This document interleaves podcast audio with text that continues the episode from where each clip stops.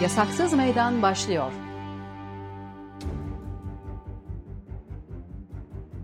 Merhaba, Eştaklar İçin İzleme Derneği ve Kısa Dalga İşbirliği ile Yasaksız Meydan başlıyor. Ben Zeynep Duygu Ağbayır, Yasaksız Meydan'ın bu hafta konuğu gazeteci Sibel Yükler. Hoş geldiniz. Hoş buldum, iyi yayınlar.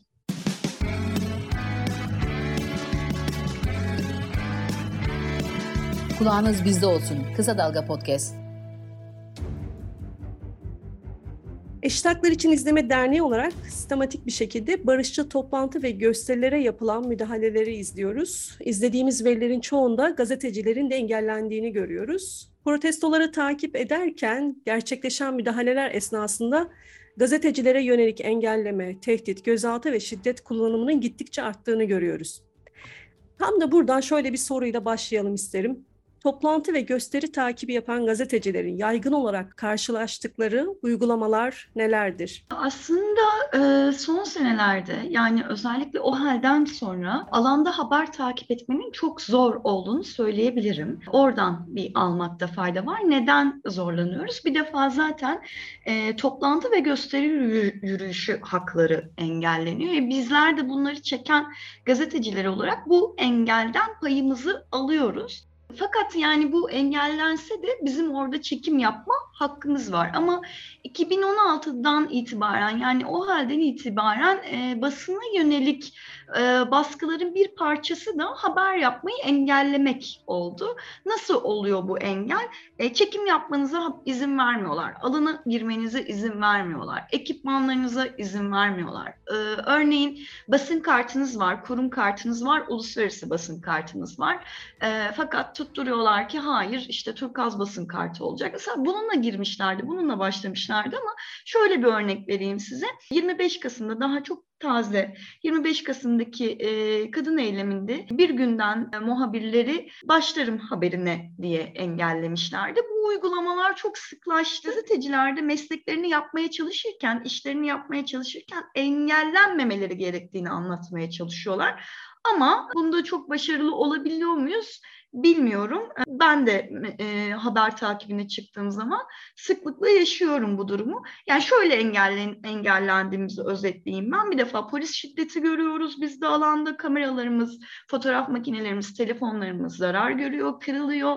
E, çekim yapmamız, alana alınmamız engelleniyor ve akabinde de en son gözaltına alınma durumu yaşıyoruz. Tam da buradan e, aslında şunu da sorabiliriz gazetecilere açılan davalar da olduğunu biliyoruz hı hı. bu süreçle birlikte. Bu süreç nasıl seyrediyor? Genel olarak suç isnapları neler oluyor? Nasıl sonuçlanıyor? Tekrar eden bir olgudan bahsetmek mümkün mü?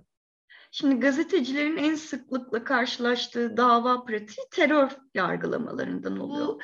Gazeteciler gerek e, haklarında bir soruşturma başlatıldıysa ev baskınıyla gözaltına alınıyorlar ve bu soruşturma neticesinde bir dava açılıyor. Ya da yaptıkları haberler, attıkları tweetler nedeniyle yine tazminat davalarından ya da terör suçlamalarından dava açılıyor.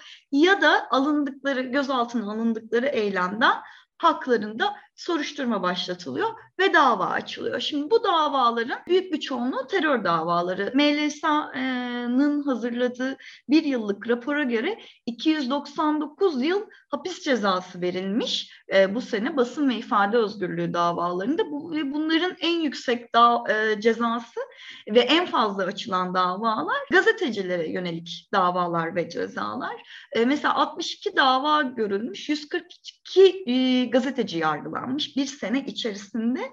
E, bunların da e, en yükseğe dediğim gibi yaptığınız haberden, attığınız tweetten, çalıştığınız kurumdan ya da e, haber takibi yaptığınız yerden ve eylemden e, hakkınızda açılan e, örgüt propagandası ya da örgüt üyeliği suçlaması. Onun dışında e, Cumhurbaşkanına hakaret, kamu görevlisine hakaret, bizim TMK e, 2'ye e, 6'ya 2 dediğimiz terörle mücadelede görev yapmış kişileri hedef gösterme davaları var devamında da. Bunlardan şöyle bir örnek vereyim. Ee, örneğin bir polis e, ya da bir Cumhuriyet Başsavcısı hakkınızda şikayetçi olmuştur ve dava açılmıştır. e, haberini yapmışsınızdır siz bunun. Atıyorum bir usulsüzlük olabilir, atıyorum bir eleştiri olabilir ya da çok basit e, o savcının sistematik olarak aynı şekilde hazırladığı iddianamelerle ilgili bir haber yapmışsınızdır ya da bir soruşturmayı geç haberleştirmesiyle ilgili haber yapmışsınızdır. Buna 6-2 yani terörle mücadelede görev yapmış kişileri hedef göstermeden e, dava açılıyor.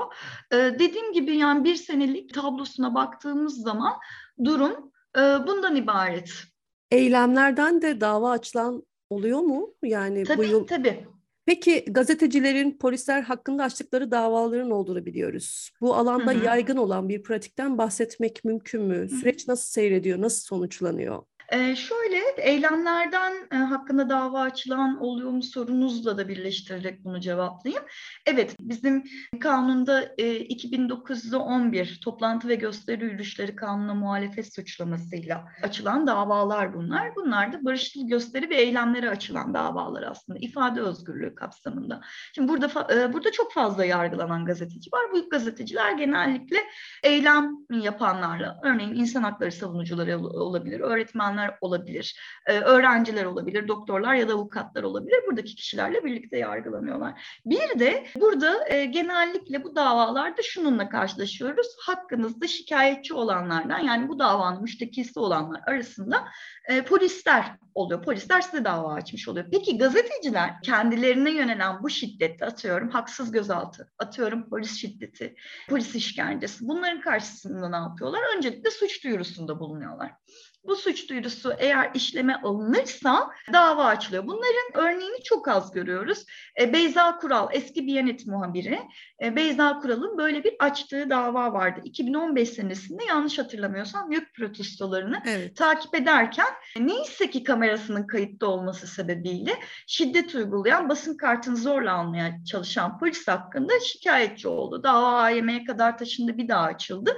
E, ve bu kişilere nihayetinde bir ay önce bir ceza verildi ama şöyle söyleyeyim polislere e, 10 ay taksitle ceza verildi. Anlatabiliyor muyum? Yani Evet. e, ama mesela gazeteci bilmem kaç yılda yargılanabilir o davanın sonucunda eğer polis şikayetçiyse. Peki e, diğer şikayetler ne oluyor? Açıl, dava açılmadığında ne oluyor? Bu sefer de şöyle bir şey oluyor. Örneğin Hanifi Zengin İstanbul Güvenlik Şube amiri e, hakkında yanlış hatırlamıyorsam şimdiye kadar e, MLSA'nın yaptığı suç duyurusu, işte Disk Basın İş ve TGS'nin yaptığı suç duyurusu ve e, Kadın ve LGBT artı hareketinin yaptığı suç duyurusu gibi birkaç tane suç duyurusu var. Bu suç duyuruları da önce valilik tarafından şu şekilde takipsizlikle sonuçlandı. Buradaki polislerin yüzü belli olmuyor, tespit edilemiyor. Hanifi Zengin de örneğin e, minvalinde söylüyorum kararı. Hanifi Zengin de burada bir amir olarak yapması gerekeni yerine getirmiştir. Bu nedenle de hakkında bir disiplin soruşturmasına ya da bir dava açılmasına gerek yoktur. Takipsizlik. Bu minvalde söyleyeyim, bu minvalde açıklayayım. Fakat şöyle bir şey oldu. Önce MLSA'nın yaptığı başvuru idare mahkemesince haklı bulundu. Ardından da yanlış hatırlamıyorsam TGS'nin ve Disk Basın İş'in başvurusu bölge idare mahkemesi tarafından haklı bulundu ve işleme konuldu. Bakalım ne olacak? Ee, ama genelde böyle sonuçlandığını söyleyebilirim. Yani bu polisler tespit edilemiyor. Şimdi atıyorum bir gazeteci e, şiddet gördü, polis şiddeti gördü eylemde şiddetçi olacak. E, emniyetten ve valipten şöyle bir cevap geliyor. E, kimlerin yaptığı tespit edilemiyor. Ayrıca bu eylemler işte 2911 sayılı kanuna göre dağılın uyarısına rağmen dağılmayarak kanunun ihlal edildiği eylemlerdir. Bu nedenle de buraya müdahale haklıdır denilerek sonuçlanıyor.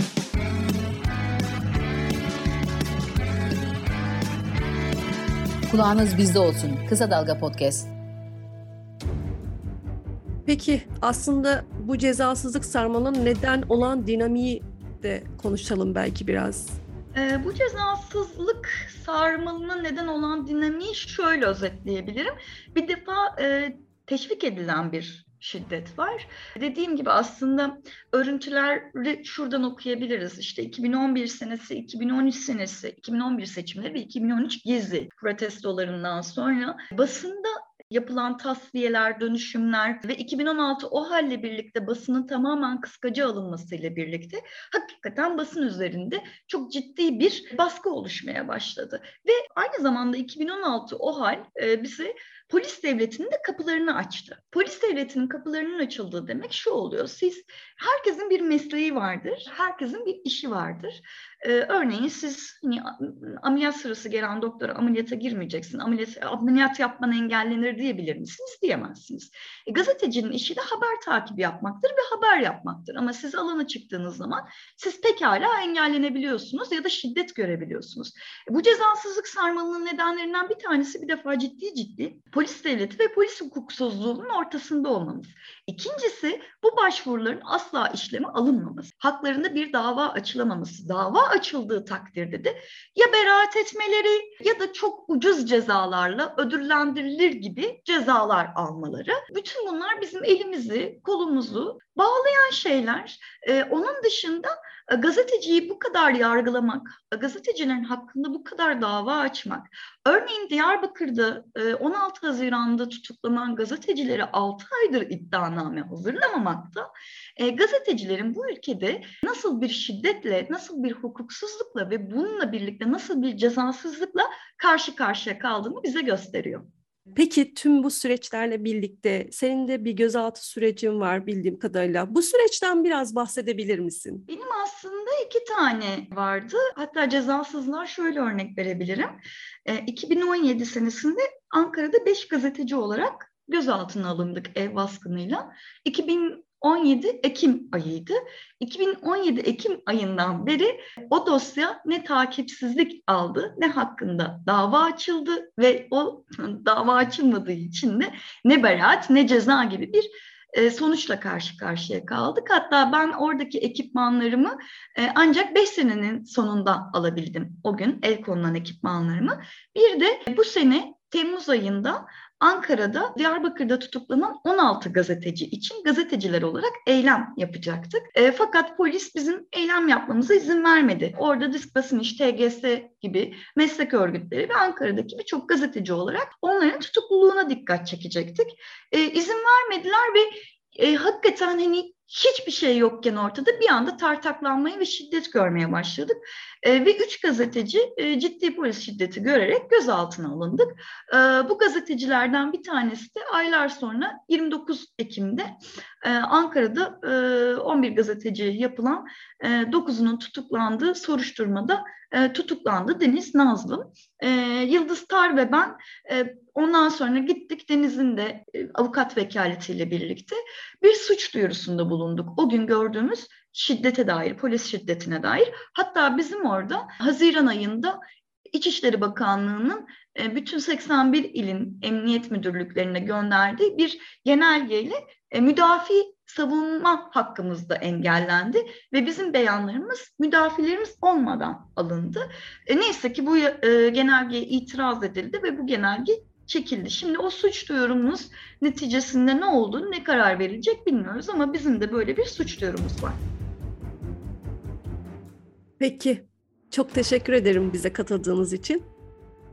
Ben teşekkür ederim. Çok sağ olun. Eşit Haklar İçin İzleme Derneği ve Kısa Dalga İşbirliği ile Yasaksız Meydan farklı konu ve konuklarla iki haftada bir Cuma günü sizlerle olmaya devam edecek. Şimdilik hoşçakalın.